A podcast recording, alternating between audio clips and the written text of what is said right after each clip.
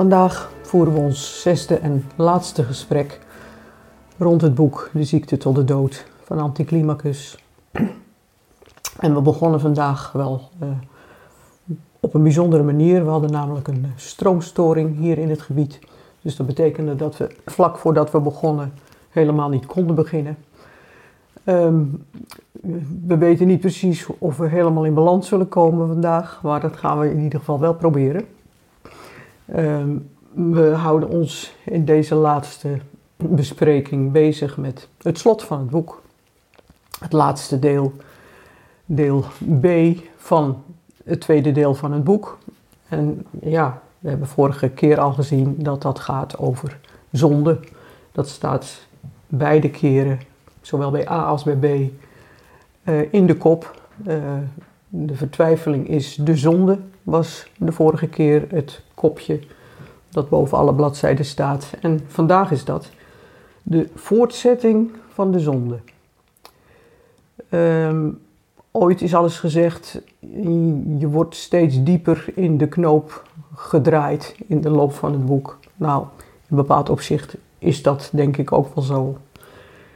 We hebben niet zo heel veel reacties gekregen, maar wel wat. En daar gaan we zeker nu proberen uh, op in te gaan. We hebben zelf ook, ja, toch wel weer met ook wel veel aandacht en uh, dit laatste stuk gelezen. En ja, we, we gaan erover in gesprek. Ja, laten we maar eens kijken. Ja. Um, nou ja, juist omdat we dus midden in iets zitten van um, dat hij zegt, zonde, dat was, en dat is al eigenlijk helemaal aan het begin van deel A, dat is voor God vertwijfeld niet jezelf willen zijn of voor God vertwijfeld jezelf willen zijn. Dus op een of andere manier dat die twee vormen van vertwijfeling, vertwijfeld niet jezelf willen zijn en vertwijfeld jezelf willen zijn, die spitst hij wel toe door die woorden voor God eraan toe te voegen. En ja, zegt hij, daarmee zie je dat vertwijfeling zonde is. Zo, zo brengt hij het eigenlijk onder woorden. Hè? Hij brengt daarmee onder woorden wat, wat in wezen natuurlijk uh, helemaal niet zo makkelijk of zo voor de hand, makkelijk is of voor de hand ligt, omdat het gaat met dat voor God om een behoorlijk diepgaand proces. Dat is al, dat weet ik nog van de eerste afleveringen, is dat aan de orde geweest. Ook de moeite die dat oplevert, omdat dat ja, voor menigeen toch behoorlijk ver weg ligt. En um, ja, dat is goed om dat nog weer even zwart op wit te, te, te lezen en te stellen, van dat dat inderdaad daarom draait. Hè? Dat onderscheid tussen deze twee stukken. Het voor God is erbij gekomen en dat heeft mee dat woord zonde mogelijk gemaakt, want anders kun je het daar helemaal niet eens over hebben. En hij zegt dan, daarin breng je eigenlijk nog scherper tot uiting dat ieder mens een enkele mens is. In de zin van uh, voor zichzelf. Uh, en ook op zijn eigen leven. Alleen zelf op zijn eigen leven kan letten. Hè? Je, je, gaat natuurlijk om met anderen. Maar het leven waar je verantwoordelijk voor bent, dat is je eigen leven. En dus dat enkeling zijn wordt hier natuurlijk voortdurend benadrukt. Nou ja, dat blijkt heel belangrijk te zijn, hè? Ook, ook in dat voor God. Hè? Want je kunt niet met z'n allen in die zin zo voor God staan. Dat is iets voor jezelf, wat, waar je voor, uh, op je eigen binnenste aangewezen bent. En dan komt er hier nog eens bij Christus, maar daar komen we straks op. Daar komen we straks op. Uh, waarbij, dat, dat, dat noem ik nu even, omdat dat punt van de enkele mens daar dus ook zich op toespitst. Ja. Nou, het, is heel opvallend dat, we, dat je juist uit de hoek van mensen die bijvoorbeeld uh, met, het, met iets van, van het christendom zijn grootgebracht, of daar uh, van, van kinds af aan al iets van weten, dat die vaak moeite hebben met een begrip als zonde. Dat het, um, iemand schreef de begrippen zonde, genade, vergeving, verhouding God-mens, al die begrippen die in dit hoofdstuk ter sprake worden gebracht, die zijn mij niet vreemd. Maar diezelfde vragensteller heeft het dan over een manier van theologiseren mm -hmm. uit de 19e eeuw. En dat kost die persoon moeite. Eigenlijk vindt diegene dit hele boek moeilijk. Nou Eh, ja, dat, ja. En daar voelt ze zich ook een beetje schuldig over. Kennelijk keer ik niet diep genoeg in mezelf in, schiet mijn bewustzijn van mezelf tekort. Ben ik te oppervlakkig of gewoon misschien te dom? Nou ja, ik denk dat, dat hiermee juist goed onder woorden gebracht wordt. De moeite die dit boek op kan roepen hè, bij, bij, bij verschillende mensen die nou ja, dus toch een bepaalde ballast of een bepaald beeld eh, bij zich dragen eh, van wat dan christelijk heet. Hè. Eh, waarbij ze het zo mooi op een rijtje zet met zonde, vergeving, eh, eh, die verhouding God-mens, alsof dat allemaal eh, helder en duidelijk is. En alsof ook helder en duidelijk is wat je daar dan mee moet. Ja, nou ja, precies. Want, want je, je brengt een, bepaald, een bepaalde visie mee. En misschien moeten juist mensen die met dat christelijke zijn grootgebracht, met behulp van dit boek enigszins omdenken. Nou ja, ik, ik denk dat voor mezelf is dat in ieder geval een, een, een belangrijk proces geweest. Ik heb veel aan dit boek gehad in de loop van jaren, maar ehm, dan was het wel zo dat dat vooral in het eerste deel zat van het boek. En het tweede deel, ja, dat nam ik min of meer op de koop toe. Zo van, nou ja, misschien, misschien voor later. Ja. En eh, in, in een bepaald opzicht is dat met die hele gang eh, door Kierkegaard, het lezen van Kierkegaard, is dat denk ik van belang om te ontdekken. ehm, wat hij op een, paar, op een paar punten zelf helder heeft geformuleerd. Eerst het menselijke en dan het religieuze. En dat is denk ik een, een volgorde waar je niet genoeg eh, aan herinnerd kan worden, omdat we toch vaak de neiging hebben om al in ja, wat hogere sferen of in op, oplossingen of eh, ja, eh, om wegen te bewandelen en te denken in, in hoeken waarin je nog niet toegekomen bent aan het eerste begin, namelijk je eigen praktische, concrete leven. Nou, En dat is waar Kierkegaard zich met zijn toch psychologische invalshoek, wat ook hier in dit boek is gebeurd, zich op toegelegd heeft. Ja. Om te kijken van hoe werkt het bij mij en ja, kan ik, kan ik hier wat mee vanuit mijn eigen leven, mijn eigen Vanaf gevoel. het allereerste begin dat hij over die, ook over zonde, maar eh, over het, over, o- eh, zich bezint op die, die centrale begrippen, is hij altijd teruggegaan naar de psychologie. Als hij het begrip angst, het boek Begrip Angst schrijft, dan gaat hij daar terug op het begrip angst. En dan zegt hij, we moeten niet te snel bij dat christelijke terechtkomen, want we moeten eerst zien hoe, hoe dat, wat betekent zonde eigenlijk gewoon in, het, in een mensenleven? Hoe landt eh, dat begrip?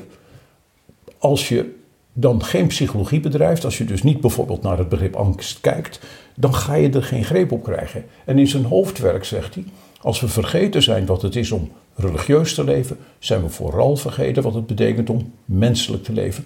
We zullen dus verder terug moeten gaan, dieper door moeten vragen. Ja, en in die zin heeft de ontwikkeling van de psychologie natuurlijk ook wel iets heel moois gebracht. Hè. Daar is, Kierkegaard stond natuurlijk aan het begin daarvan, van waarin dat werkelijk ja, echt Maar meer ruimte kreeg en, en aandacht kreeg. En daar zijn we natuurlijk wel heel wat verder in gegaan in, eh, in die ontwikkeling. Maar juist wat hij heeft aangedragen met het begrip angst en het begrip vertwijfeling. Het is in zekere zin haast nog zo dat het nog verwerkt moet worden binnen eh, de, de, de, de, de christelijke dogmatiek, zal ik nou maar zeggen. Want, en het kan wel eens betekenen dat eh, mensen die met dat christelijke zijn grootgebracht, eerst maar eens een tijd eh, dit boek misschien zelfs moeten laten rusten om Ja. eh, eh, die, die zicht te krijgen meer op in jezelf te herkennen. Bijvoorbeeld deel 1 van het boek, als het over de vertwijfeling gaat. ja. En dat is al moeilijk genoeg. Om daar voorlopig genoeg aan te hebben, zeg Ja. maar. En het, we hebben ons wel verwonderd ook, ook herhaaldelijk, hoe weinig de theologie gedaan heeft met Kierkegaard. Ja. Eh, Ja. En dat, dat eh, zou in, in bepaald opzicht nog ja, van de grond moeten komen, denk ik. En, en als je je dus afvraagt, want eh, soms denkt men dat het, het lijkt wel een theologisch boek. Nee, het is geen theologisch boek. Het is veel eerder voorwerk. In ieder geval, het eerste deel van het boek is duidelijk voorwerk voor de theologie. En dus vergelijkbaar met wat hij al eerder gedaan heeft. Want dat is wel aardig. Er kwam een andere reactie van iemand die, die zei: Voor mij is dat begrip zonde ook heel vertrouwd. Daar ben ik mee opgegroeid. Ik ben er zelfs wel bang voor gemaakt. Nou ja, heb je zoiets, hè? Ja, Van bang voor gemaakt. En om- omdat dat dus zo ook op het gevoel ingewerkt heeft. En, vaak met een sterk moralisme. eh, Ja. Mensen zijn belaagd. Hè? Hij zegt, eh, dat ik, bij zonde denk ik bijvoorbeeld terug aan wat er over in de Heidelbergse catechismus stond. Uit mezelf kan ik niets goeds doen, maar ben ik geneigd tot alle kwaad. Nou ja, en dan leer je zoiets opdreunen hè, als, eh, als jong mens. En dan heb je het over dingen die, nou ja, dus behoorlijk eh, eh, zwaar op de maag liggen, laten we het zo zeggen. Ja, maar alleen En waar je je leven lang ja, de druk van kan blijven ondervinden. Ja. Denk ik. Hoewel, ehm, kijk, als je Kierkegaard gaat, gaat volgen, dan zal hij zeggen, bijvoorbeeld, Socrates en Pythagoras, die zijn geconfronteerd met die beroemde spreuk, ken u zelf, hè? ken u zelf, op de, op de, nou, uit Delphi. En hij zegt, wat bracht dat nou voor Socrates en voor Pythagoras op? Nou, dat ze ontdekten hun geneigdheid tot het kwade. En het gekke is, Ja, dat was misschien, dat- misschien was dat voor hen toch juist de goede volgorde. Hè? Om, eh, ze, je zegt, omdat ze het ontdekten, die neiging tot het kwaad. En dan heb je alle ruimte en alle ruimte gehad om daarachter te komen. En dat is natuurlijk wat anders dan wanneer je van tevoren al eh, die kant op moet. ja, dat, dat ik is denk dus dat dat precies dus juist zo vanuit het is. omgekeerde met die Heidelbergse catechismus. Ja. Dat, eh, ik ben geneigd tot alle kwaad. Ja, maar wacht even. Dat is dus dan geen ontdekking, maar dat is een lesje wat je uit je hoofd gaat leren. Dat Ja. kan niet de bedoeling zijn. Nee, lastig lesje. En diezelfde persoon schreef ook, eh, ik vond wel dat beeld heel mooi van die locomotief. Hè, eh, van van eh, die, die, die enkele afzonderlijke zonde. Dat is toch heel gauw een moralistisch verhaal. Nee, het gaat om die locomotief, die, die, die dendert maar voor. Ja, die, deze eh, schrijver vond het beeld mooi. We hebben ook wel eens een reactie gehad. Die vond het beeld juist heel akelig. Ja. Hè, omdat die trein dus eh, niet af en toe, maar altijd eh, Dat die trein altijd maar die door. beweging heeft. Nou ja, hij zei, eh, ik- toen ik die metafoor las, moest ik denken aan de doodsdrift bij Freud. Want die worstelde met het begrip dat, dat mensen dus een, dat er in mensen een, een destructiedrang kan zijn, een, een vernietigingsdrang, een, een, iets wat ontbindt, een verzet tegen verandering, eh, agressie, herhaling van traumatisch verleden.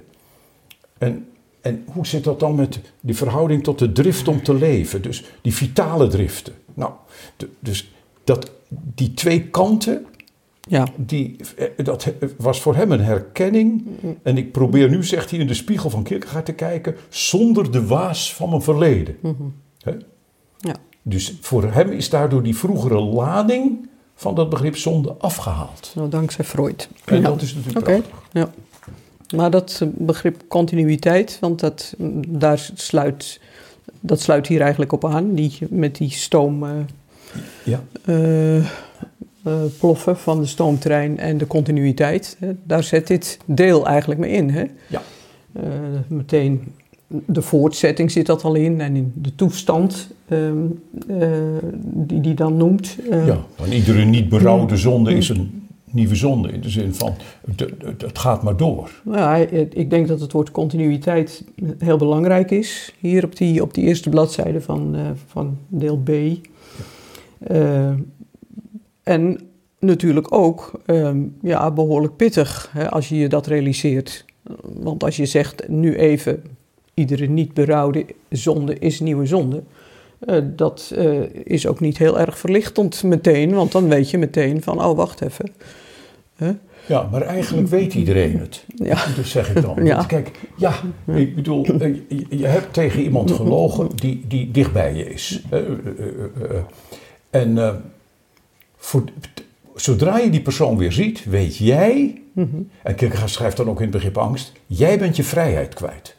Jij bent je En die ben je niet voor even kwijt, maar die ben je Dat draag je bij je. die draag jij voortdurend bij je. Dat is een schitterend voorbeeld van, ja. En hoe kan dat dan uit de wereld? Ja, natuurlijk. Door, door uit te spreken, door op te biechten, door, door eh, het goed te maken. Maar zolang je dat niet doet, weet je voortdurend in de confrontatie met die ander, er zit iets mis. Bij mij. Ja, en ik denk, misschien rea- realiseren we ons dat niet, eh, niet altijd zo, zo, zo go- goed. Hè? Van dat je met wat er misgaat in, in je handelen ehm, zelf de gevolgen draagt. Ja. Ook de ander natuurlijk, maar jij zelf ook. Van het feit dat je, dat je het gedaan hebt. Ja, dat, dat, vandaar dat die woorden als continuïteit en consequent. De zonde Ja. is in zichzelf consequent. En in die consequentie van het kwade, die ze in zich heeft, bezit ze ook een zekere kracht. Maar tot Ja. een dergelijke beschouwing kom je natuurlijk nooit wanneer je alleen maar naar die afzonderlijke dingen kijkt. Maar Ja, het, mooie vond ik meteen, eh, wat, wat hij doet op die eerste bladzijde, dat hij die continuïteit van de zonde, waar we, nu, we over hebben, zet tegenover de continuïteit van het goede. Het eeuwige. Eh, het- dat, dat het goede ook in zichzelf consequent is. Dat wil zeggen, doorgaat en, en ook door wil gaan. En dat, dat vind ik een enorme eh, ja, perspectief eigenlijk. ook, ook een, conti- eh, een continuïteit, continuïteit heeft. En, kan en- hebben in de goede zin. ja. En dat ze dat ook van een mens verwacht en vraagt, in feite. Ja, hij zegt bijvoorbeeld de gelovige die rust vindt in de consequentie van het goede, die daar zijn leven in heeft, koestert natuurlijk een oneindige vrees voor, al is het maar de minste kleinigheid die hem daaruit haalt. De- dus eh, ook dat goede heeft een consequentie, een continuïteit. En dat, dat is juist ja, iets bijzonders voor je leven, want daar kun je ook in leven. Ja. Ja, maar we zitten dus nu in die voortzetting van de zonde. Ehm, vertwijfelen over je zonde. Dat is eigenlijk het eerste stuk wat hij aan de orde stelt. En dan zegt hij, daar vlak voor, bij de voortzetting van de zonde, waar we het nu over zullen hebben, wordt dus niet zozeer gedacht aan de afzonderlijke nieuwe zonde, als wel aan de toestand van de zonde. Die wordt op zijn beurt tot een machtsverheffing van de zonde in zichzelf. Iemand blijft in de toestand van de zonde terwijl hij zich daarvan bewust is. Nou, het simpele voorbeeld van toen net. Eh, Je hebt gelogen tegen iemand en je maakt het niet in orde. Je blijft in die toestand. Ja. Eh, maar dan, het eerste wat hij dan zegt is dat je gaat vertwijfelen over je zonde. Van, nou ja, er is niks meer aan te doen. Ik ben nu helemaal zo, weet je, in die... eh, Bijvoorbeeld, ik ben Ja. nou eenmaal zo. Ja. Of het is nou eenmaal niet anders. Eh, het, ge- het gebeurd is gebeurd. Of sommige mensen maken het nog bonter door te zeggen: Ik ben nou eenmaal een klootzak. Of zoiets, weet je wel. Dus eh, dat hoor ik mensen zeggen. Hè? En, en dat is eigenlijk het eerste stukje van, die, van, de, van dat paragraafje A, wat op 101 begint. Dat he- heeft nog niets met vromigheid of zo te maken, want daar komt hij ook op. Maar gewoon van, ja, het is niet anders. Eh, ik zal het ermee moeten doen. ja. Nou, het tweede stukje, waar hij op 103 mee begint, daar eh, komt hij eh, in, in, in een wat zogenaamd religieus milieu terecht. Hè? Van wat, eh, wat je wel soms wel aantreft in, in wat. En dat lijkt het wat mooier in de wat zwaardere kringen. Dan lijkt het wat mooier, want iemand is toch wel onder de indruk van wat hij gedaan heeft. En eh, zegt, ik, ik, ik kan het mezelf niet vergeven. En eh, gaat misschien zo van, ja, God kan me dit zelfs niet vergeven. Enzovoort. Dus je komt in een soort patroon terecht van ehm, vertwijfeling over het feit dat het gebeurd is. Ja, dat je, dat, dat je in bepaald opzicht ehm, dat koestert. Of ehm, in ieder geval daar maar de aandacht aan blijft Ja. eh, geven. Ja. Als, alsof dat iets moois is op zich al. Ja, en, en in wezen eh, eh, zegt hij dan, wi- wi- wil je niet jezelf zijn. Want je wil niet eh, bij, bij die eerste, je wil niet jezelf zijn, want je wil niet die zondaar zijn. En, Nou ja, maar dat, dat is toch ook lastig? Kijk, want het, het thema van het hele boek is natuurlijk... ehm, jezelf willen zijn. Hè? En ja, dan denk je misschien in eerste instantie toch nogal aan, aan je, ja, je, je goede eigenschappen, je kwaliteiten en uh, in, in het gunstige geval. Dit is natuurlijk een stuk van jezelf uh, wat helemaal niet zo fijn is om mee geconfronteerd te worden. Nee. dus ik, dat, dat daar sowieso uh, problemen aan vastzitten en drempels zijn en weet ik wat allemaal, dat, dat, dat is natuurlijk zo. Hè? Ja, ja er dan, zit, je, je bent bijvoorbeeld laf mm. Maar dat wil je niet zijn. En er zit dus daar zit een soort trots ja. achter. Ja, om, om dat toch niet, nou ja, gewoon als zonde te kunnen, uh, on, onder ogen kunnen zien. Ja, of die andere kant, um, dat je, uh, uh, zwakheid zegt hij is hier dan, vertwijfelt jezelf te zijn. Te, je wilt wel zonder zijn, maar op zo'n manier dat er geen vergeving is. Dus, zitten we dan bij het tweede punt? Dat, is, dat zijn die twee punten. Die ene is hè, de, de, dat je uh, uh, niet jezelf wil zijn. Namelijk degene die dat gedaan ja. heeft. Je wil die lafaard niet zijn. Nee. En dat is in wezen een soort trots. Die andere is, je wilt het, je wilt het wel zijn, maar er is, niks, er is geen vergeving voor. Ja. dit is zo erg en ik, wat ik gedaan heb is zo erg dat uh, ik kan het mezelf niet vergeven en tot en met uh, er is geen vergeving. Mm -hmm. Nou, dat, dat zijn eigenlijk die twee vormen waaronder die dit bespreekt. Ja.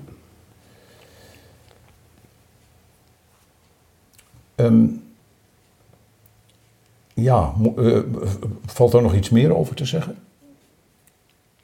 Nou ja, vergeving is, eh, is een, een, een lastig onderwerp net zo goed. Ja, ja dit, is, dit is dus het punt. Want dat is al bij die eerste opmerking die je, die je noemde, dat rijtje van die, uh, van die vraag die er gekomen was van zonde, vergeving, zit, er dat, zit dat er meteen aan vast?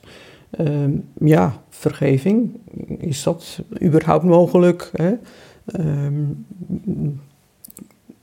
ja, hoe, hoe, krijgt dat de ruimte, dat onderwerp, vergeving? Dat is dus een van de dingen mm. ook eh, ja, eh, waar eigenlijk heel weinig over nagedacht wordt. Want ook in de relaties tussen mensen onderling speelt het natuurlijk toch een belangrijke rol. Wat ik net zei, hoe, hoe kan dat uit de wereld komen, die leugen? Dat kan alleen maar als je het opbiecht, als je het zegt, als je mm-hmm. het aan die ander mm-hmm. openbaar maakt. Ja. He? En dan, uh, wat doet die ander dan? Nou, dat is maar hm? zeer de vraag. Want wat betekent vergeven? Dat is ook nog heel moeilijk. We komen daar straks misschien nog wel op. Want is het dan weg? Mm-hmm. Um, ja, misschien wel voor die ander. Maar is het voor jezelf ook weg? Nou, we komen daar nog op, want dat, ja, dat gaan we veel dieper ja. op in. We, als hij naar het stukje B gaat, dat is de zonde om te vertwijfelen aan de vergeving van de zonde, dan zitten we meteen in dat onderwerp. Ja, dat, ja. En daar zet hij tussen haakjes achter ergernis. Hè? Daar is dat woord ergernis voor het eerst. Dat... De, zonde om te vertwijfelen aan de vergeving van de zonde. Nou ja, voor het eerst hier. Nou ja. hè, want we hebben het natuurlijk al een aantal keren gehad in, in het zijn boek. we er al tegenop gelopen. Het blijkt ja. nogal een belangrijk uh, woord in het hele boek te zijn. Hij vat hier samen waar hij mee bezig is. En dan zegt hij de machtsverheffing in het bewustzijn van het zelf is hier dat iemand weet heeft van Christus. Is het niet goed om die, die lijn van het boek nog eens even helemaal uh, ja. uh, hier onder woorden te brengen? Van, ja, nou, dat, dat, dat, ik, laat ik het maar helemaal ja. voorlezen. De machtsverheffing in het bewustzijn van het zelf is hier dat iemand dus weet heeft van Christus. Je hoort, hier valt het woord Christus. Ja. Dat er een zelf staat tegenover Christus. Eerst kwam, in het vorige deel van het boek, de onwetendheid een eeuwig zelf te hebben. Dat was dat onbewuste vertwijfeling. Hè? Vervolgens een weten, een zelf te hebben, waarin toch iets eeuwigs is. Daarna werd aangetoond, bij de overgang naar het tweede deel, dat dit verschil valt onder het zelf dat een menselijke voorstelling van zichzelf heeft, waarvan de mens de maat is. Het tegenovergestelde hiervan was een zelf tegenover God. En dit werd een grondslag gelegd van de definitie van zonde. Dus eigenlijk dat hele eerste deel, dat was de mens de maatstaf. We hebben het over de psychologie. Ja. Um, er wordt nagedacht over vertwijfeling als een psychologisch proces in de mens zelf. Ja. Dan stelt hij de mens tegenover God. Met, En- die, met die vertwijfeling. met die vertwijfeling. En hij blijft daarin. En dat gaat hij als definitie van zonde aannemen. Nu gaat hij daar nog een stap in verder. Dat hij zegt, ik wil over de vergeving nadenken. Ik ga iemand tegenover de persoon van Christus stellen. Ja, Nou, hij gaat er toch min of meer van uit dat we dan wel weten wat je daarbij te denken hebt. ja, daar gaat hij min of meer van uit dat je dat weet. En de vraag is maar ehm, of dat ook zo is. Want, ja, ehm, Nou, ik, ik vond dat nogal confronterend ook weer bij het lezen nu zelf. Hè? Van, ehm, dat woord christelijk, dat is al gevallen natuurlijk vaak genoeg. En in, in wezen gebeurt dat meteen aan het begin al. Hè? Bij zijn voorwoord laat hij het woord in christelijke zin vallen. En ik vroeg me toch weer af van, snap ik dat woord eigenlijk wel goed? Heb ik daar wel een goed beeld bij? Wat is dat nou eigenlijk, hè, christelijk? Hij komt hier dan met Christus, hè, want daar, moet je dan toch naar terug. Ehm, hij zegt ergens in, in dit stuk ook van, heel vaak wordt het christelijke eh, gepresenteerd op een manier, nou ja, die eigenlijk rammelt. Hè, waarbij dus wat voor hem dan het wezenlijke is, niet goed aan de orde komt. En niet, niet, niet, eh, of een beetje weggemoffeld wordt. Of, eh, want in zijn scherpte brengt hij het hier terug, midden in het verhaal over de zonde. Hè. Dan komt hij met Christus als. nu, nu, nu is het zover om, om het daarover te hebben, een zelf tegenover Christus. Als het om die zonde gaat. Maar niet over de zonde, maar over de vergeving van zonde. Dus hij, voor hem is meteen die vergeving van zonde verbonden met Christus. ja. Hè? ja. En dat, dat vind ik nogal, ja, al, eh, een, een punt hè, van om onder ogen te zien. Ja, ehm, Dat Christus daar dus een rol in speelt. Ja. In die verhouding, en, godsverhouding, zeg maar. ja. ik denk ook dat je daar niet aan voorbij kunt in de zin van, tenzij je natuurlijk dat hele, de, de hele komst van Jezus in deze wereld niet als een centraal gebeuren ziet. Nou ja, precies. Hè. Nou stel je het heel, heel vierkant. Hè. Ja. En wat, wat, wat, wat, je bekeren gaat ook wel terugvindt, hè, van dat ziet hij als een ja, wezenlijk eh, centraal gebeuren in de geschiedenis van, van, van de mensen. Ja. Ja. Hè, dus om, om, om, om het heel simpel te zeggen, de, eh, eh, de, de, de, de, de kruisdood van Jezus staat als een centraal merkpunt in de wereldgeschiedenis voor hem. En dat is een, een, een- op een of andere manier heeft God zich met de mens verzoend in Jezus. En hoe je dat precies verstaan moet, daar kun je nog over nadenken.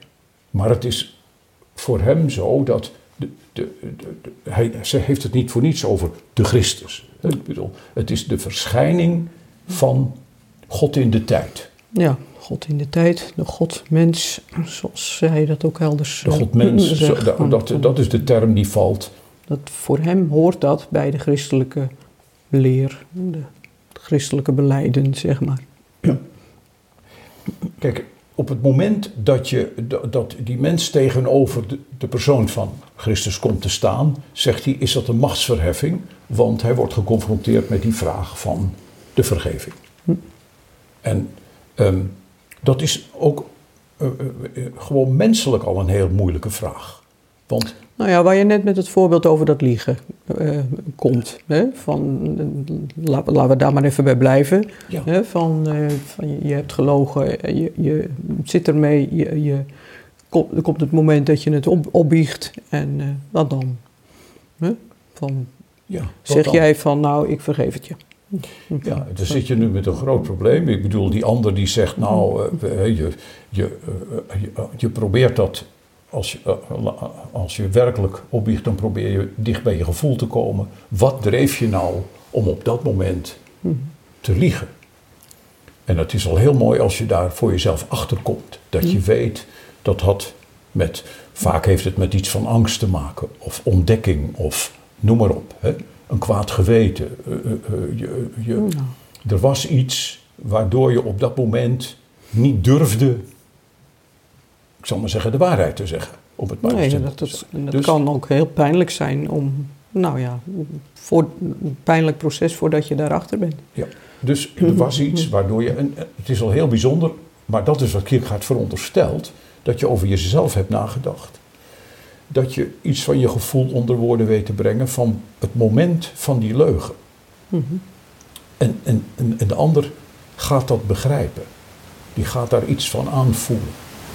En die zegt, ik ben blij dat je dit tegen me zegt, opbiecht. Hè? Ik ben blij dat je zegt, wat mij betreft is het weg. Ja. En dat is het wonderlijke. Daar moeten, komen we vanzelf ook weer op. Nou, psychologisch is het dan weg. Wat is weg? Nou ja, er staat ook ergens van, het is, eh, of we zeggen dat ook vergeven en vergeten. En, eh, het is vergeven en Het is vergeten. vergeven en vergeten. Ja, en, en, en dat is ook het mooiste misschien, van als het... eh, Ik ga ervan uit dat dat voor die ander, die dat opgebiecht krijgt, mhm. dat die dat kan zeggen. Het Ja. is vergeven en vergeten. Ja. Maar er is Voor- één probleem. Als ik degene ben die dat gedaan heeft, Mhm. ik heb gelogen of ik ben laf geweest, Mhm. dan is er voor mij dat Moeilijker om te moeilijker vergeten. Ja. nog, want Ja. ik moet accepteren dat ik die lafaard ben. Ja. Dat ik die leugenaar ben. dat is dus ook nog weer een stuk werk daarna. In En- bepaald en, opzicht. en dat kan ook met regelmaat terugkomen. Mhm. En denk er maar eens over na Mhm. of dat niet eigenlijk altijd blijft. Want, Nou ja, is er ook de mogelijkheid om jezelf te vergeven? Hè? Dat het van, eh, ik heb zelf al dingen gedaan waarin, dat, waarin ik da- daar wel mee geworsteld heb. Van, eh, ja, is dat mogelijk? ja, menselijk? is dat mogelijk? Ik merk dat dat veel langer duurt, kan duren soms. Hè? Dat, je, dat je, nou ja, dingen zo niet gedaan had willen hebben, hè? dat dat je toch blijft achtervolgen. Dat bedoel ik. Want het, je kunt, het, het kan niet terug. Ik bedoel, het is wel gebeurd. Dat blijft natuurlijk gewoon logisch of rationeel het punt. Daar komen we straks wat gedaan op, is, is want gedaan. Dan gaat het over, over v- v- eh, verstand, maar misschien kun- kun- kun- kunnen we het ook nu wel zeggen. Dat je, eh, kijk, eh, die, Kierkegaard komt daar hierop, ook als het gaat om dat grotere verband. De zonde om te vertwijfelen aan de vergeving van de zonde is ergernis. En ook in die omgeving van Jezus stoten mensen zich aan het feit dat je überhaupt, dat hij als mens zonde zou kunnen vergeven. Want dat werd dan hem toch een beetje, Ja. kon- als iemand dat kon, dan kon God dat. Hm. Maar, dan, maar voor het menselijk verstand, zegt Kierkegaard dan, is dat, dat zonde vergeven kan worden, het onmogelijkste van alles. En daar wou ik het eigenlijk nog even over hebben. Want gewoon voor je menselijke verstand. Je kan wel zeggen, die mensen hebben het weer goed gemaakt. Of zij heeft het hem vergeven. Maar hij zit met dat beeld van, ik ben die leugenaar of ik ben die lafaard. En dat voorval, dat moment, dat is geschiedenis. Dat is onherroepelijk. Ja. Iemand zei eens tegen me, hoe ouder ik word, hoe langer mijn kerfstok. Wat, wat heb je op je kerfstok, hè, zeggen we. Nou, u zei, hoe ouder ik word, hoe langer mijn kerfstok. Het was helemaal niet iemand met een gelovige achtergrond. Die gewoon zei, hoe ouder ik word, hoe langer mijn kerfstok. Ja, eh, kijk, wat gebeurd is, is gebeurd. En is onherroepelijk. Als je dus niet meer hebt dan verstand, want da- da- daarom zegt hij voor het menselijk verstand is vergeving het onmogelijkste van alles. In de zin van vergeven en vergeten, als, alsof het weg is. Het kan nooit weg zijn, Nee. want het is geschiedenis. Het is gebeurd. Het is iets van mijn eigen leven. Het is een stuk van mijn kerfstok. Ja. Nou, Nou dat ja, is Dat, dat raakt, dat begrip ver- vergeving raakt dus, kun je nu meteen zeggen, het verstand. Hè? Ja. Want er moet iets gebeuren wat dus anders werkt dan jij met je verstand eh, allemaal volgen kunt. Ja. ja. En, Het dus ligt op een ander, ander gebied. komt hij op dat geloven van de vergeving van de zonde. Ja. Hij zegt, kijk, dat moet je geloven. En, en hij zegt dat je moet, dat is heel erg belangrijk. Dat heeft men willen wegschuiven, maar het is heel erg belangrijk, want je komt er niet uit namelijk. Geloven in de vergeving van de zonde betekent dat je gelooft dat het weg is. En, het, en, dat, dat, en je denkt, dat kan niet. Nee, maar dat wordt, dat wordt, daar word je toe opgeroepen, kun je Ja. zeggen. Je kunt ook zeggen, het wordt je opgedragen. Want dat je moet, eh, dat klinkt, eh, dat klinkt eh, meer in die richting. Ja. Je kunt het als een uitnodiging opvatten. Ja. Ik denk dat dat ook ja, mede het probleem is. Dat je moet, dat gaat weer over van wie moet ik dat? Dat ja, want dat, dat vind ik dus wel van, nou, kijk, zolang dat nog een instantie is of iets wat een beetje vaag is, of, dan, dan roept dat onmiddellijk verzet op. Ja. Bij mij ook. Maar pas als ik dat je moet versta als in mijn relatie tot God, dan, dan, dan wordt het anders. Waarom wordt het dan anders? Omdat degene die het mij opdraagt voor mij iets anders is dan, nou ja, een boek of een menselijke instantie of een andere gezag, gezagsinstantie, zeg maar. Dat is voor mij een andere relatie. Op het moment dat je die enkeling voor God wordt. Ja, dat is de enige plek waarin ik dat je moet kan verstaan. Ja. Anders is het eh, irritant. Ja, anders is het irritant. En Op het kan ook nooit een, je moet zijn wat een ander jou Ja. oplegt. Wat Ja. een ander jou zit, je eh, in, zegt. ja, in het verkeerde register. Nee. Eh, nou, dan komt die, dat zelf komt dus tegenover Christus staan. Betekent dus met die mogelijkheid van vergeving. En dan zit je meteen met dat probleem. Vertwijfelen aan de vergeving van de zonde betekent Ja. dus vertwijfelen aan eh, die relatie tot God, tot Christus. Nou ja, wat jij eh, in feite voor een deel verwoordt van, dat, het kan niet, weet je wel. Ja. Dus ja, is het, is het eh, erger je eraan? Ja, die machtsverheffing waar hier sprake van is, betekent juist, zei je laatst, een dieptepunt. Waarbij je de mogelijkheid van vergeving en verzoening van je afduwt. Je zegt dat kan niet. Hè? Ja, omdat je juist komt achter iets in jezelf wat, wat zo moeilijk is, waar, waar je maar moeilijk aan wil. Ja. Kijk, en en het, het geheim is dan weer eh, van, van alle rationali- rationalisme is dat men natuurlijk dat het haast als een soort iets geniaals wordt beschouwd, een soort teken van een diepere natuur, dat je het niet kunt, ja, dat kan ik niet geloven. Nou ja. Nee, dat, dat kan ook, kan ook ehm, ja, in een bepaald opzicht eh, in de lucht hangen of een bepaalde eh, mode zijn. Hè? Ja. Om, om dat dus, eh, als, terwijl hij daar dus ook al over schrijft, om eh, ja, vooral de twijfel hoog in het vaandel te hebben. Ja, en hij zegt dan juist van, ja, maar wacht even, op pagina 107, dat is helemaal niet iets geniaals. Nee. Want je, er is hier een, een opdracht om te geloven. En, en geloven betekent vertrouwen. Dus kijk, ook dat, je, je- mensen denken, ja, maar vertrouwen, dat is iets, dat moet je gegeven worden. Nou, iedereen weet, juist eh, vertrouwen is iets wat je ook geeft. Dus waar je toe kunt besluiten. Ja. En als je tot vertrouwen kunt besluiten, ook, geloven is vertrouwen.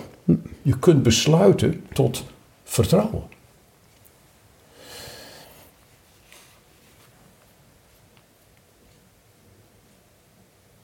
Ja, ehm, hij zegt nog ergens even op pagina 109.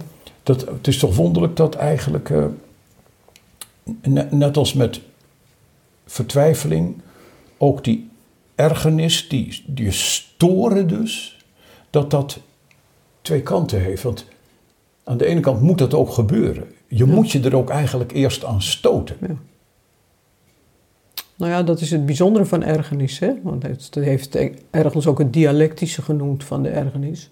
Maar het, het moet gebeuren en aan de andere kant moet, je- moet je er ook weer vanaf, of misschien kan ik beter zeggen, doorheen. Doorheen. Omdat ergernis in feite ehm, eh, laat zien dat iets je raakt. Dus dat je precies aan dat punt van de, zeg maar, de hartstocht komt in een mens. Dat je ergens, nou ja, heet, eh, of eh, niet heet of koud, maar dus wel heet van wordt. Als je dat je je ergens aan stoort, dat, dat betekent dat het je natuurlijk raakt. En op zich is dat een goed teken. Ja, hij zegt, dat, je kunt iemand zelfs ten laste leggen dat hij zich aan het christendom niet eens kan ergeren. Nou, daar heb je dat lauwe, zeg maar, van, eh, nou ja, het, eh, het, het maar te laten waaien. Eh, dus niet, geen, niet in vuur en vlam, nog ten goede, nog ten kwade bedoel Nee, ik. te- nog te- de ene worden. kant, nog, niet, geen ergernis, maar ik laat het maar in het midden of zo. Ja. Nee, hij zegt, kijk, ehm, ergernis is daar als opgeheven mogelijkheid een moment in het geloof. Hij bedoelt het dus, die ergernis, daar, om daar doorheen te gaan. Maar als die ergernis je bij het geloof vandaan haalt, dan noemt hij het zonde. Ja, Dus het is precies die twee kanten van. die twee kanten. En dus met vertwijfeling zegt hij dat eigenlijk net zo. Vertwijfeling is ook de- de- je- de- iets om doorheen te gaan om tot vertrouwen te komen. Ja, en dat, dat, juist dat punt hè, van ergens doorheen gaan, dus door de moeite ook heen gaan. Ik denk dat dat een heel belangrijk aspect is van het leven of van je visie op het leven.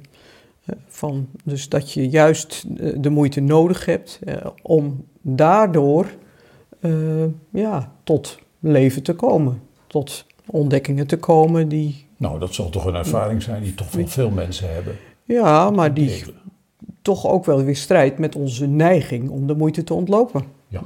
Toch? Ja, Ja. om, om geluk, oh, dat, dat we geluk, aangenaam, Ja, prettig. we willen het toch graag eh, en vooral geen pijn hebben. En eh, ik bedoel, we hebben toch een heleboel dingetjes om eh, de moeite uit de weg te gaan. Ja. Ook, ja, ik bedoel niet dat je ze speciaal moet zoeken. Of, maar oké, maar Ja. ik voel het een beetje te ver. Nou, hij zegt de categorie van de zonde, dat is de categorie van het enkele, het afzonderlijke. Maar ja, je kunt een enkele mens niet denken. Je kunt over de mensheid of over de mens nadenken. Prachtig wetenschappelijk nadenken. Maar over een enkele mens, ja, dat, daar denk, kun je niet over nadenken. Zo kun je ook niet over een enkele zondaar. Enkele mensen kun je alleen maar zijn. Kun je alleen maar zeggen. Maar in die zin is het geen eh, eh, iets wat in een begrip kan. Dus Nou, en is, dan, is dat net zo met dat eh, zondaar zijn, dat jij een, dat je dat alleen maar zelf kunt ontdekken? Nou, ja, jij kunt het wel van mij zeggen natuurlijk. Hè? Dat ik een zondaar ben. Toch? Nee, ik denk Ja. niet dat je dat echt, echt- Nou ja, misschien heb je soms die behoefte. Maar ik denk dat dat niet helpt. Dat helpt niks. Nee, dat helpt nee. niks. En dat ik dan al heel gauw in, dit kan, in die kant zit van eh, zoek het uit. Jij, weet Ja, je wel. precies. Dat je denkt, zoek het uit. Ja. Dat, het komt dan Dus, ook eh, al heel gauw in, eh, eh, i- aan de kant van het moralisme terecht. Nou ja, Zodra dat- je over een ander denkt iets te kunnen besluiten. Maar dat roept het hele woord zonde meestal meteen op. Hè, van die neiging om, om het toch te weten voor een ander of enigszins te weten. Hè. Terwijl je moet ontzettend weer terug eh, eh, altijd eh, naar jezelf om te ontdekken wat het, wat het nou in wezen is. Hij zegt dan ook, de ernst is niet de zonde überhaupt. Maar de nadruk van de ernst ligt op de mens, die zondaar, die Ja. mens zelf. En dat noemt hij dan weer dat typisch christelijke. Hè? Van dat, die nadruk op de enkeling, op die ene, op mij dus. Kijk, hij zegt het is lichtvaardigheid en nieuwe zonde om te doen alsof het niets is om een enkele zondaar te zijn. Kijk, dan kan je namelijk, oh ja, maar goh, wat geeft dat nou, we zijn dat toch allemaal of zo. Nee, zegt hij, maar denk nou even, als je nou zelf die enkele zondaar bent, dan ineens valt daar een andere, de ernst van de zonde is de werkelijkheid ervan in die enkele mens. Of jij dat nou bent of ik, zegt hij erachteraan. En dan meteen kan hij toch ook iets van die humor erbij houden. Voor God leven er in Christus louter enkele mensen, zet hij tussen haakjes, zondaars. Toch kan God het allemaal goed aan hoor. En op de koop toe kan hij zich ook nog met de mussen bezighouden. Die, dit blijft Søren Kierkegaard. Nou ja, Van- precies. Om, om het probleem als het op zijn grootst en op zijn zwaarst is, zeg maar. In die zin eh, naast Ja, En de lichtvoetigheid spreekt er ook uit van, hij kan zich ook nog met de mussen bezighouden van, ja maar, als hij zich met de dan kan hij zich toch ook met jou, al- met jou persoonlijk bezighouden. Ja. Dus niet, niet met de mensheid, niet met dat grote. Hij heeft ook een ander, je, je- spaar me als het om moralisme gaat. Hè? Maar hou het gewoon bij jezelf. Ja, goed. Vertwijfeling aan de vergeving van de zonde is ergernis. En dat is een machtsverheffing van de zonde, zegt hij.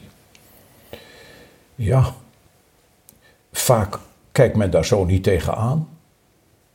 Maar dat komt omdat men dan vaak toch nog weer denkt, niet in die tegenstelling zonde geloof, zonder vertrouwen, maar zonde deugd. Ja. Dus bladzijde 116. Ergernis. Ja. Iemand schreef, met die notie ergernis heb ik de dagen rondgelopen. Omdat ergernis zo'n andere, meestal wat triviale betekenis heeft. hè. Je ergert je ergens aan, op je werk of weet je nou. Het leven is vol ergernis. Ja, het leven is vol ergernis.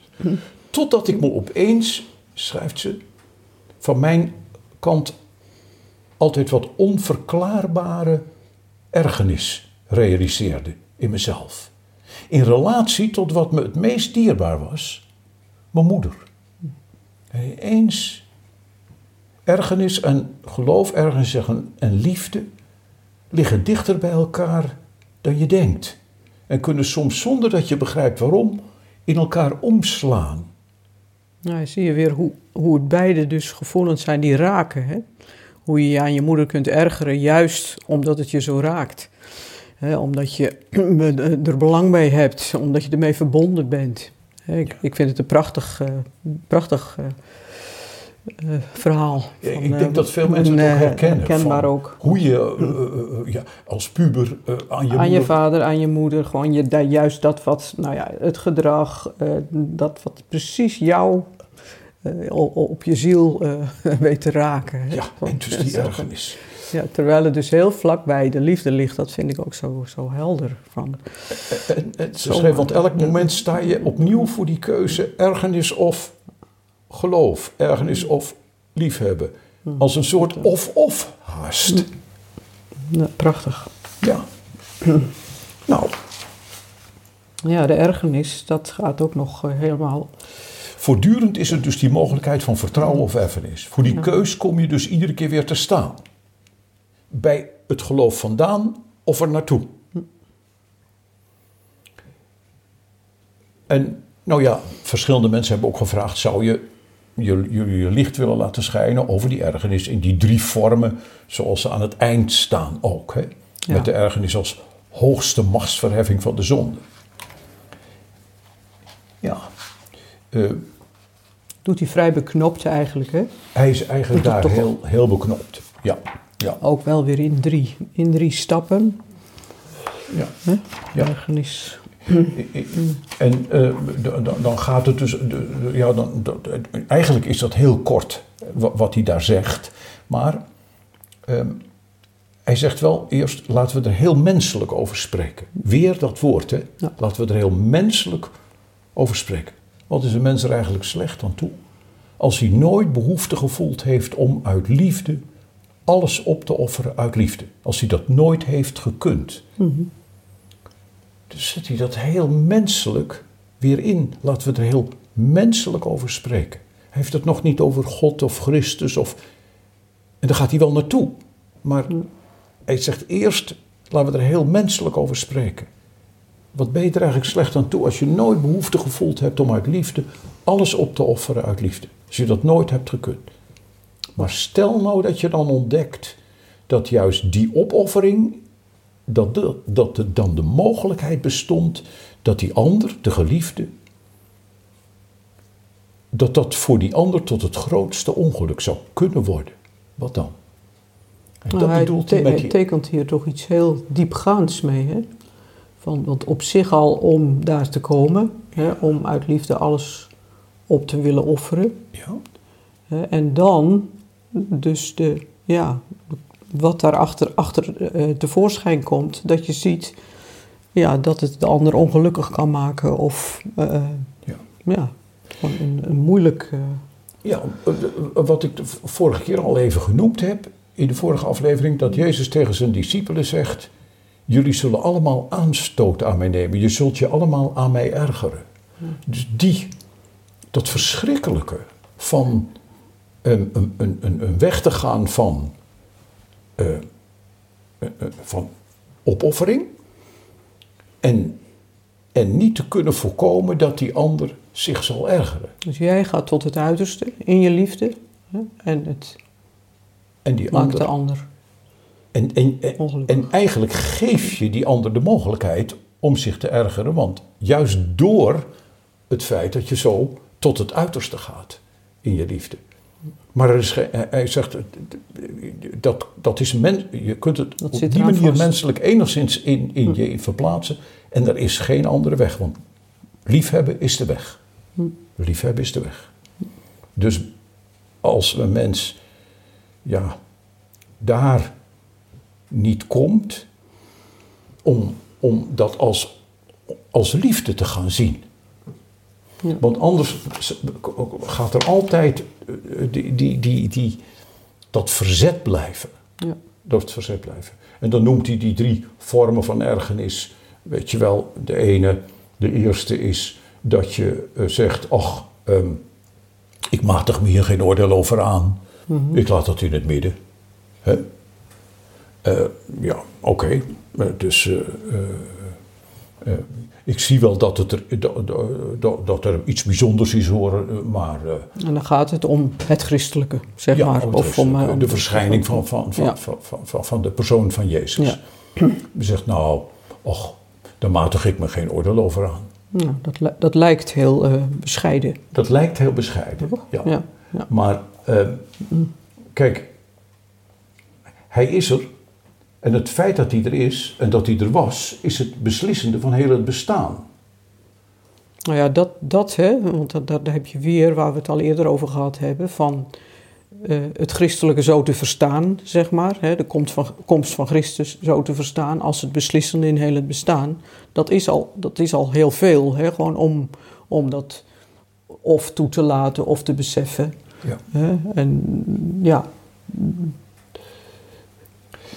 ja, dan komt hij op de tweede, dan zegt hij, kijk, dat, dat is eigenlijk uh, uh, dat iemand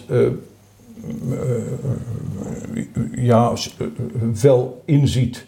Dat het het beslissende van het bestaan is. Dat het iets beslissends is, hè, iets dat, groots dat, is. Dat, denk ik dan, maar bij dat tweede, hè, van, ja. die heeft dat wel gezien, maar laat dat toch eh, voor wat het is. In die zin van hij, hij, hij, gaat niet de consequentie daarvan aan voor hemzelf.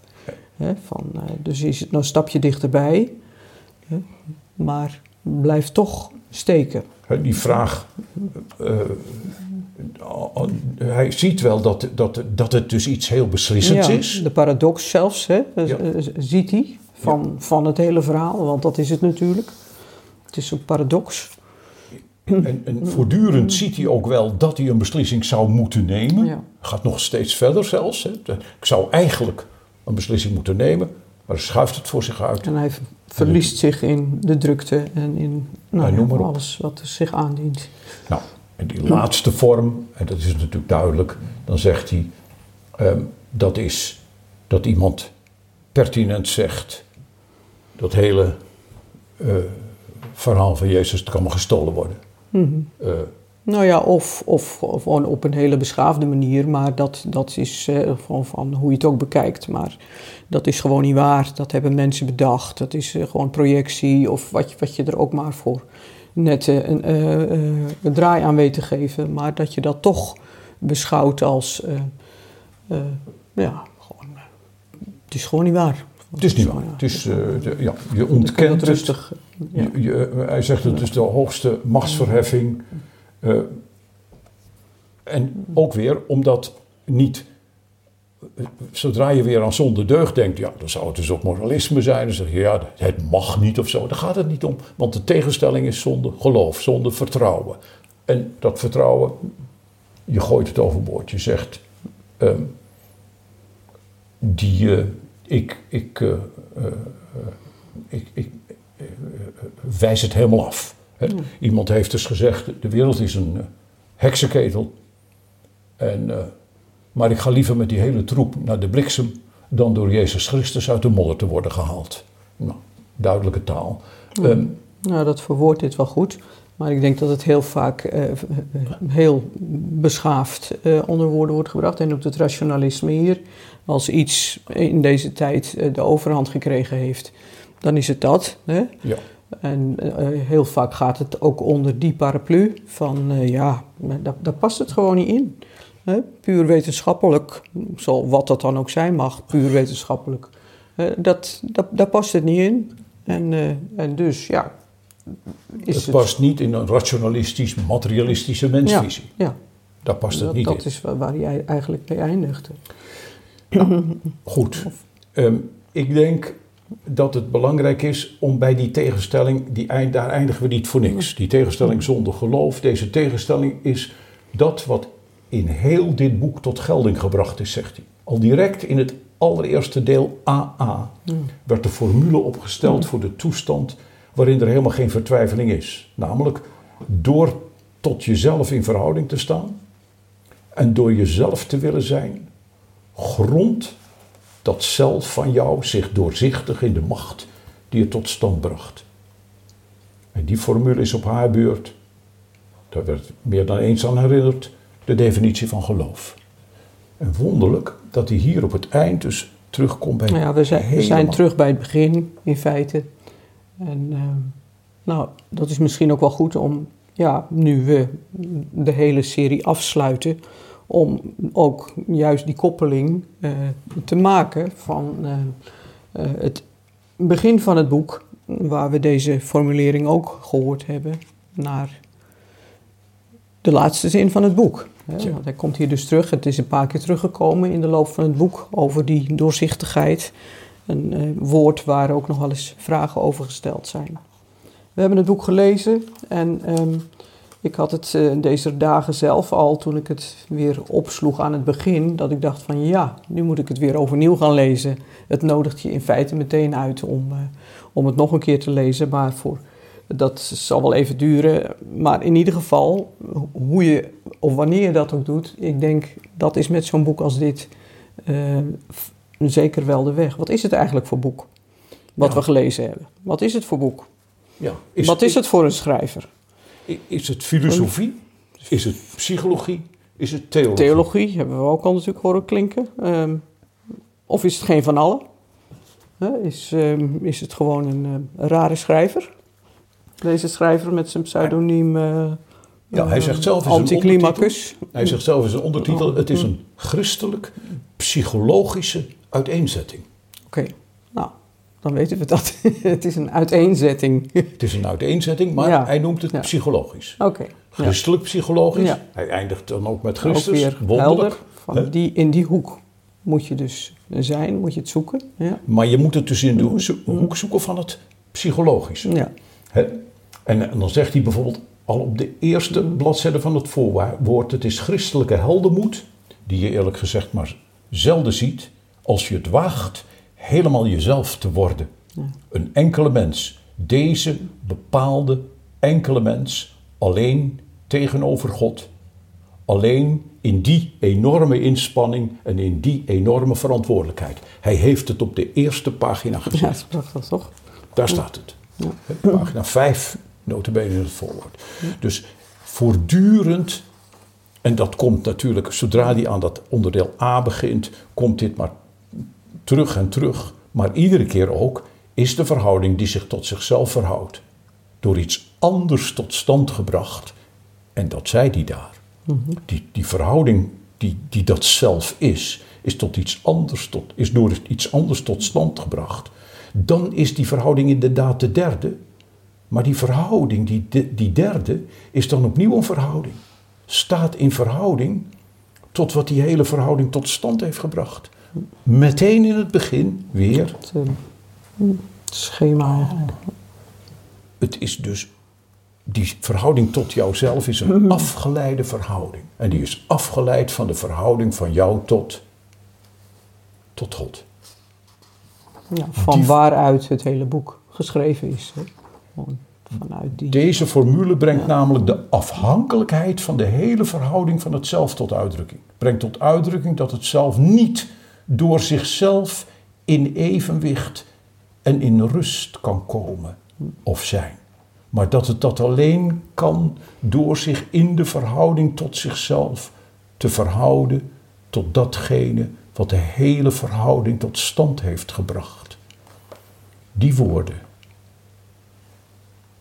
dat het niet door zichzelf in evenwicht en rust kan komen of zijn. Daar gaat het om. Dat, dat je als mens in de verhouding tot jezelf in evenwicht. Ja, dat dat En tot dus rust komt. de bedoeling is, mogelijkheid is. Ja. Eh, een boek om te herlezen, zou ik zeggen. Een boek om te herlezen en gelukkig is het ook weer eh, nieuw verkrijgbaar. Her- herdrukt. De herdruk is er. En ehm, ja, die, de- de- je kunt daar altijd weer aan beginnen. Maar ik moest ook nog denken, mensen die zeggen, nou, ik laat het eerst maar eens even rusten, want ik, ik heb eerst misschien nog wel wat anders nodig ehm, om, om hier weer bij te komen. Ik moest denken aan dat mooie boekje Onverdeeld één ding te willen, wat hij in het jaar dit heeft hij in 1848 geschreven, hij heeft dit in 1849 uitgegeven. Maar dit gaf hij uit in 1847. En dan vond ik deze alinea in. En die is misschien één, één toespraak, hè? één hele lange toespraak. dat is de langste toespraak die hij ooit geschreven heeft. Bijna 200 bladzijden. Onverdeeld één ding te willen. En daar staat deze alinea. Over het drukke bezig zijn. Het drukke bezig zijn, dat is verdeeldheid. Zoals de echo in het bos woont, zoals de stilte woont in de woestijn, zo woont de verdeeldheid in de drukte. Want wie het goede alleen tot op zekere hoogte wil, is verdeeld. Hij versnippert zijn aandacht, heeft een verdeeld hart. Dat alles hoeft nauwelijks verklaard te worden. Maar wat er aan ten grondslag ligt, heeft wel enige verklaring en toelichting nodig. In dat drukke bezig zijn is er tijd nog rust om de doorzichtigheid te verkrijgen die nodig is om jezelf te verstaan als het erom gaat één ding te willen. Of om jezelf eerst maar eens in je onhelderheid te gaan verstaan. Nee, de drukte waarin men steeds maar verder gaat en het lawaai waarin het ware steeds meer in vergetelheid raakt. De veelheid aan levensomstandigheden, al die impulsen en hindernissen maken het voor een mens steeds onmogelijker om een wat diepgaander kennis van zichzelf te verkrijgen. Hij had het al eerder ook geschreven. Nou, En dan in een toespraak die heel dichtbij kan komen. bij deze. Bij deze. Oké. Dank u voor uw aandacht.